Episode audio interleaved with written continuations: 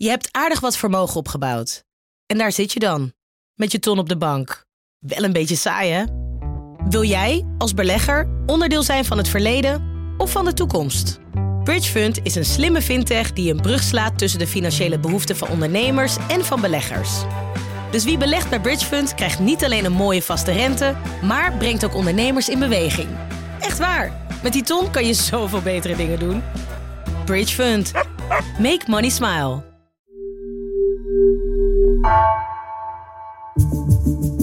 Vanaf de redactie van NRC het verhaal van vandaag.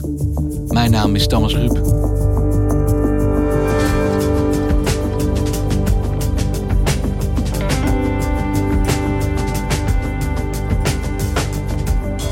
Het is het meest voorkomende symptoom van COVID-19.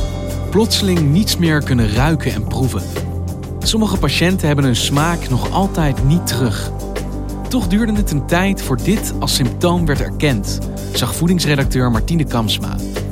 Hoe komt het dat corona je smaak aanvalt? En wat als hij nooit meer terugkomt?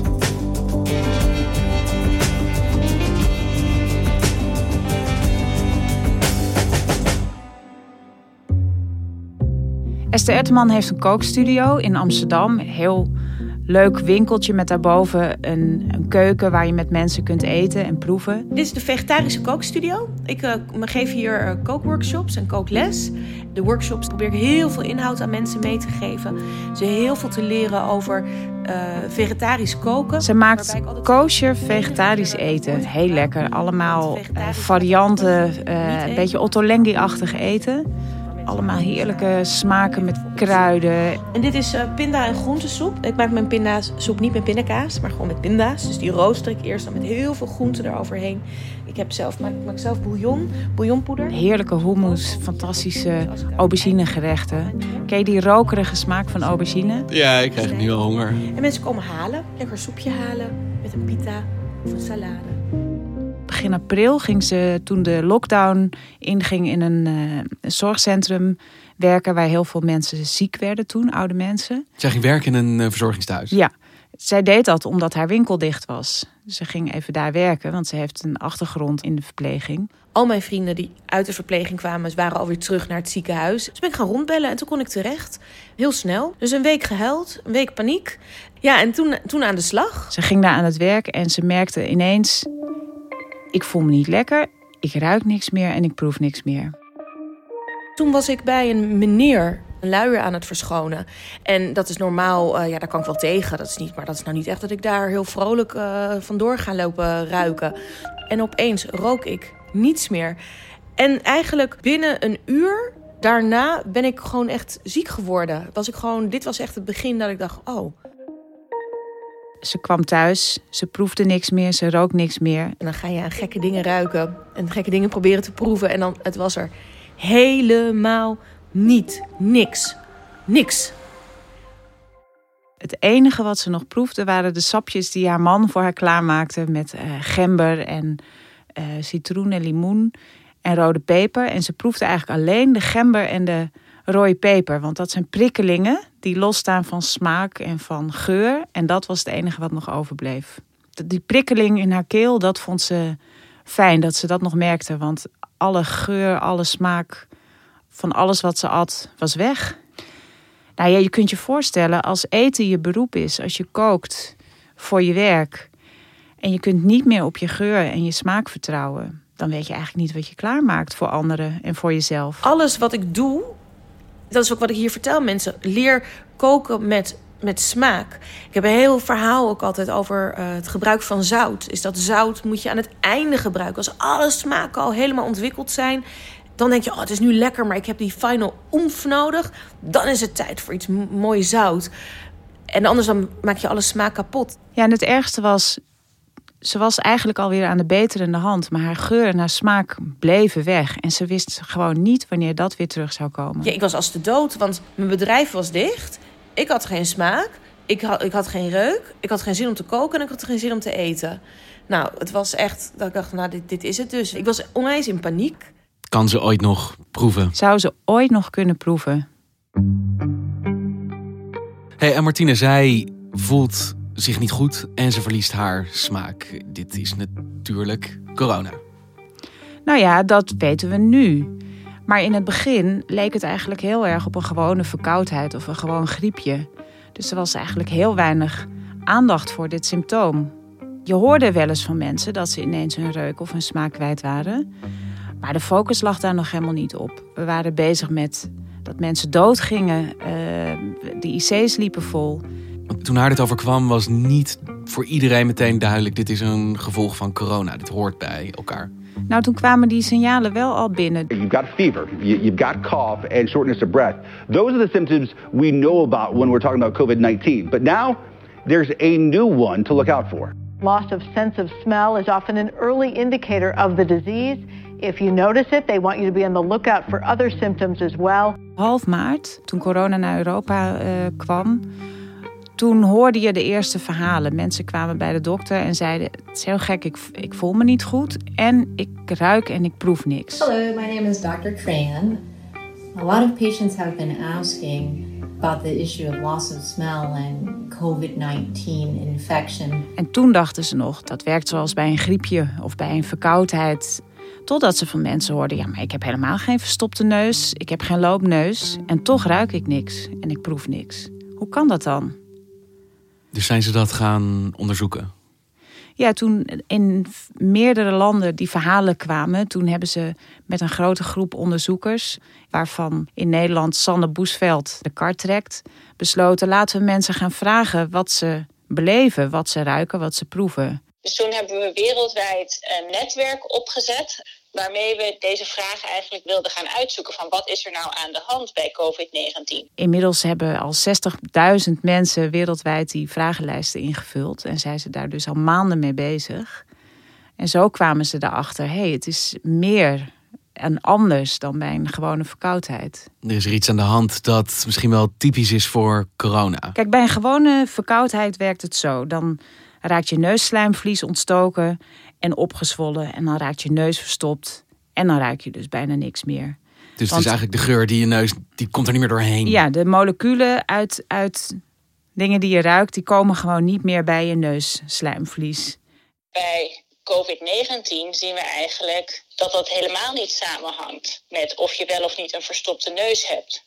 Dus het, er, er lijkt een ander werkingsmechanisme achter te zitten. En heel vaak verlies je ook je smaak. Dus zoet, zout, zuur en bitter. Dat proef je bijna niet meer. En dat is wel heel typisch voor corona. Er kan niks in de weg zitten, zeg maar. Dus de moleculen kunnen je neus gewoon prima bereiken. Maar toch uh, komen ze niet aan. Ze landen niet, je proeft het niet.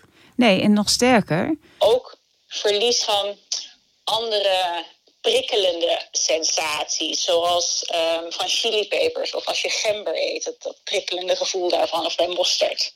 Dus het, het is een, een meervoudig probleem eigenlijk en het lijkt een ander werkingsmechanisme te hebben. Wij denken altijd dat het één zintuig is, maar wetenschappers onderscheiden eigenlijk drie zintuigen waarmee je proeft. Het gebeurt in je neus, het gebeurt in je mond en het gebeurt met die prikkelingen, die eigenlijk meer op pijnsensaties lijken, of daarmee verwant zijn. Van gember, van rode peper, van koolzuur. Dat samen, die drie uh, dingen samen maken wat je proeft. En dat kun je bij jezelf testen, of het nou je neus is of je mond. Uh, je hebt van die jellybeans, ken je die snoepjes? Ja, ja, ja. Van die gekleurde snoepjes en elk snoepje heeft een andere smaak.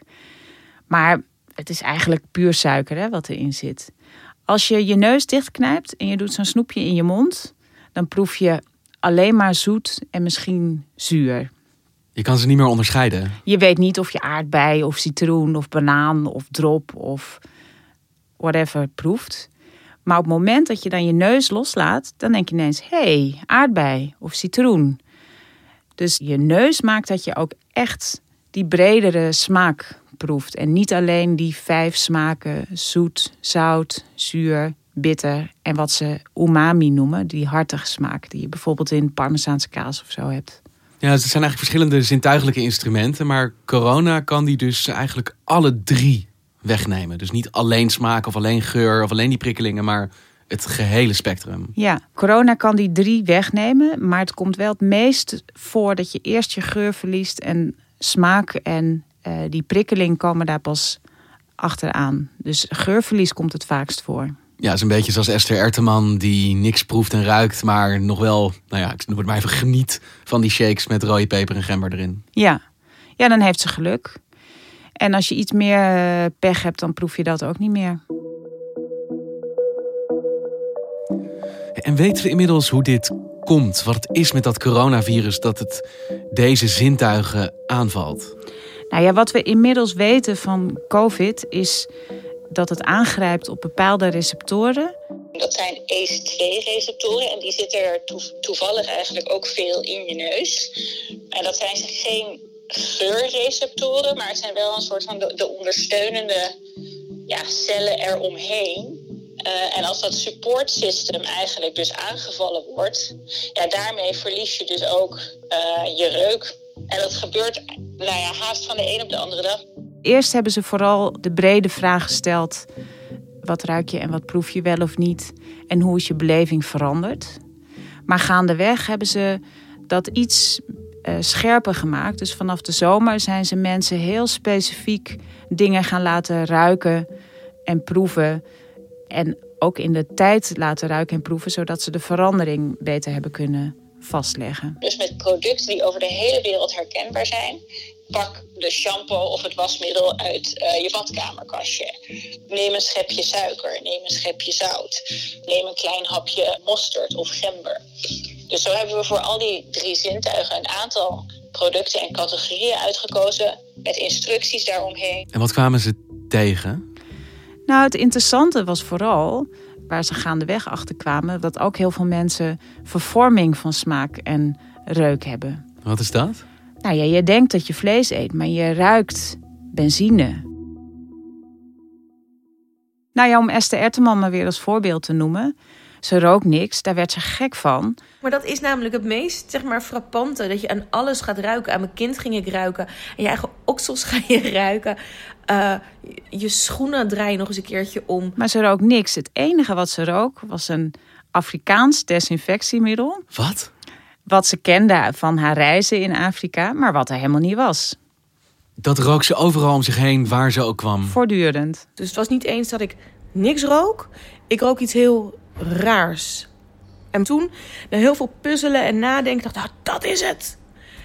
Afrika, ziekenhuis, schoon. Is dat dan een zintuigelijke sensatie of is dat iets wat in haar hoofd zit? Dat ze denkt dat ze iets ruikt, maar het eigenlijk misschien een herinnering is? Nou ja, die moleculen waren er niet, dus dat, dat moet iets in de hersenen zijn geweest.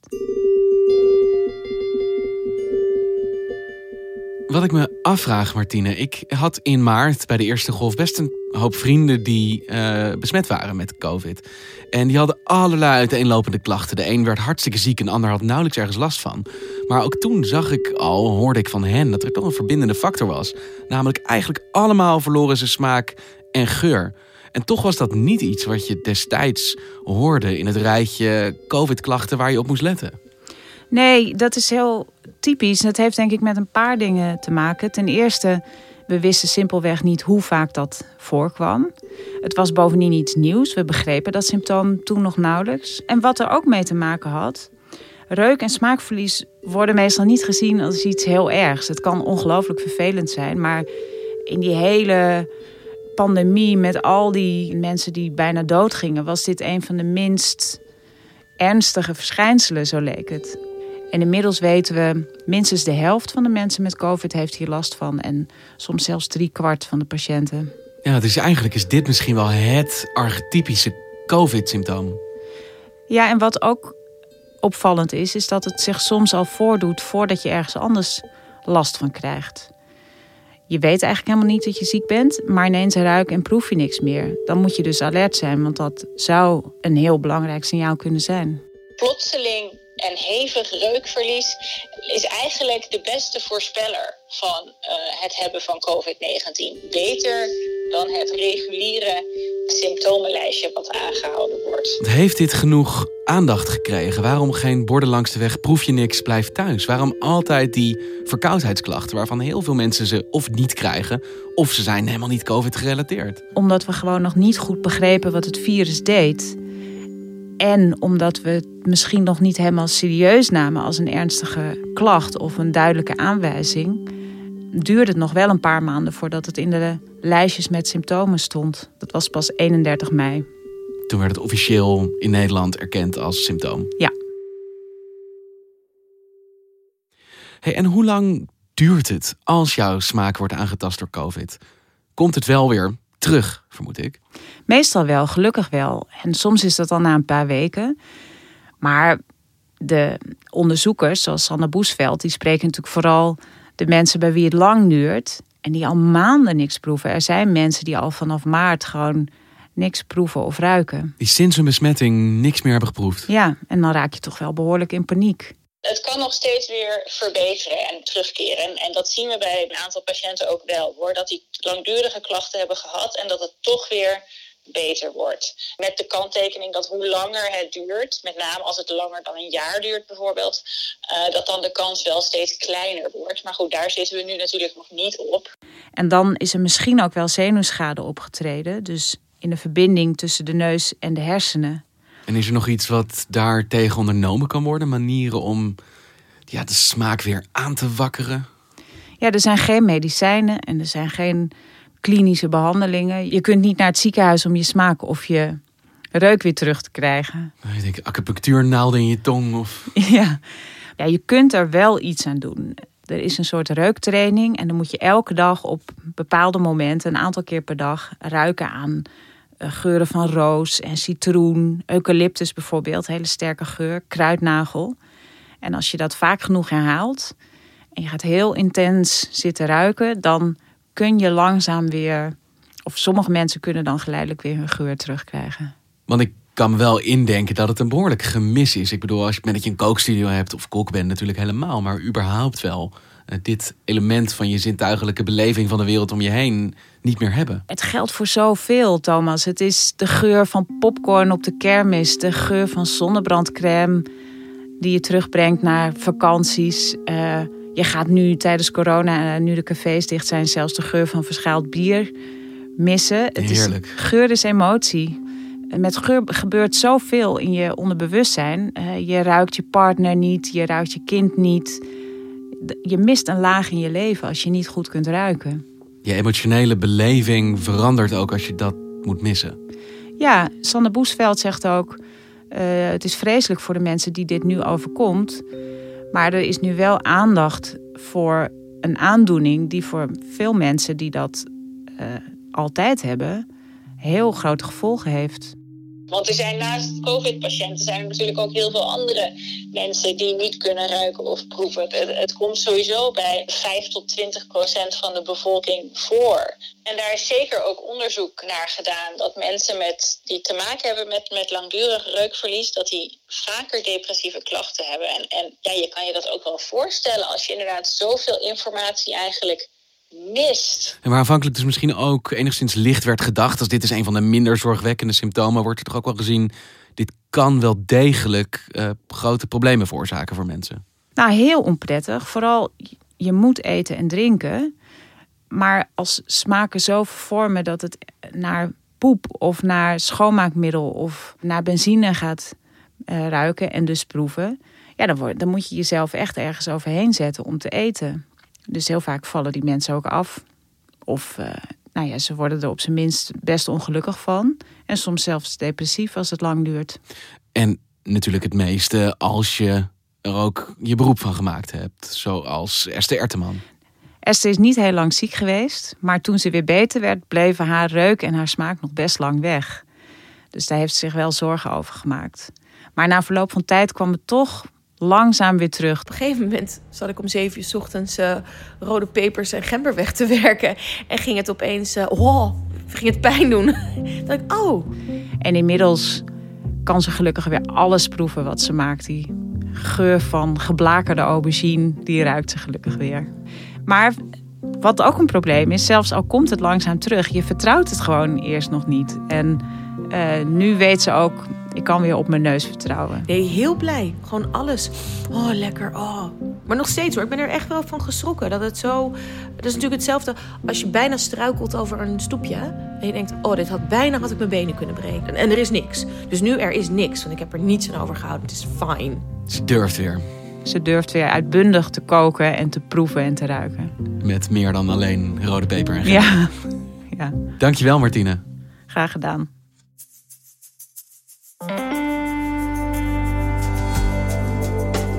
Je luisterde naar vandaag, een podcast van NRC. Eén verhaal, elke dag. Deze aflevering werd gemaakt door Felicia Alberding en Jan-Paul de Bond. Chef van de audioredactie is Anne Moraal. Dit was vandaag. Morgen weer.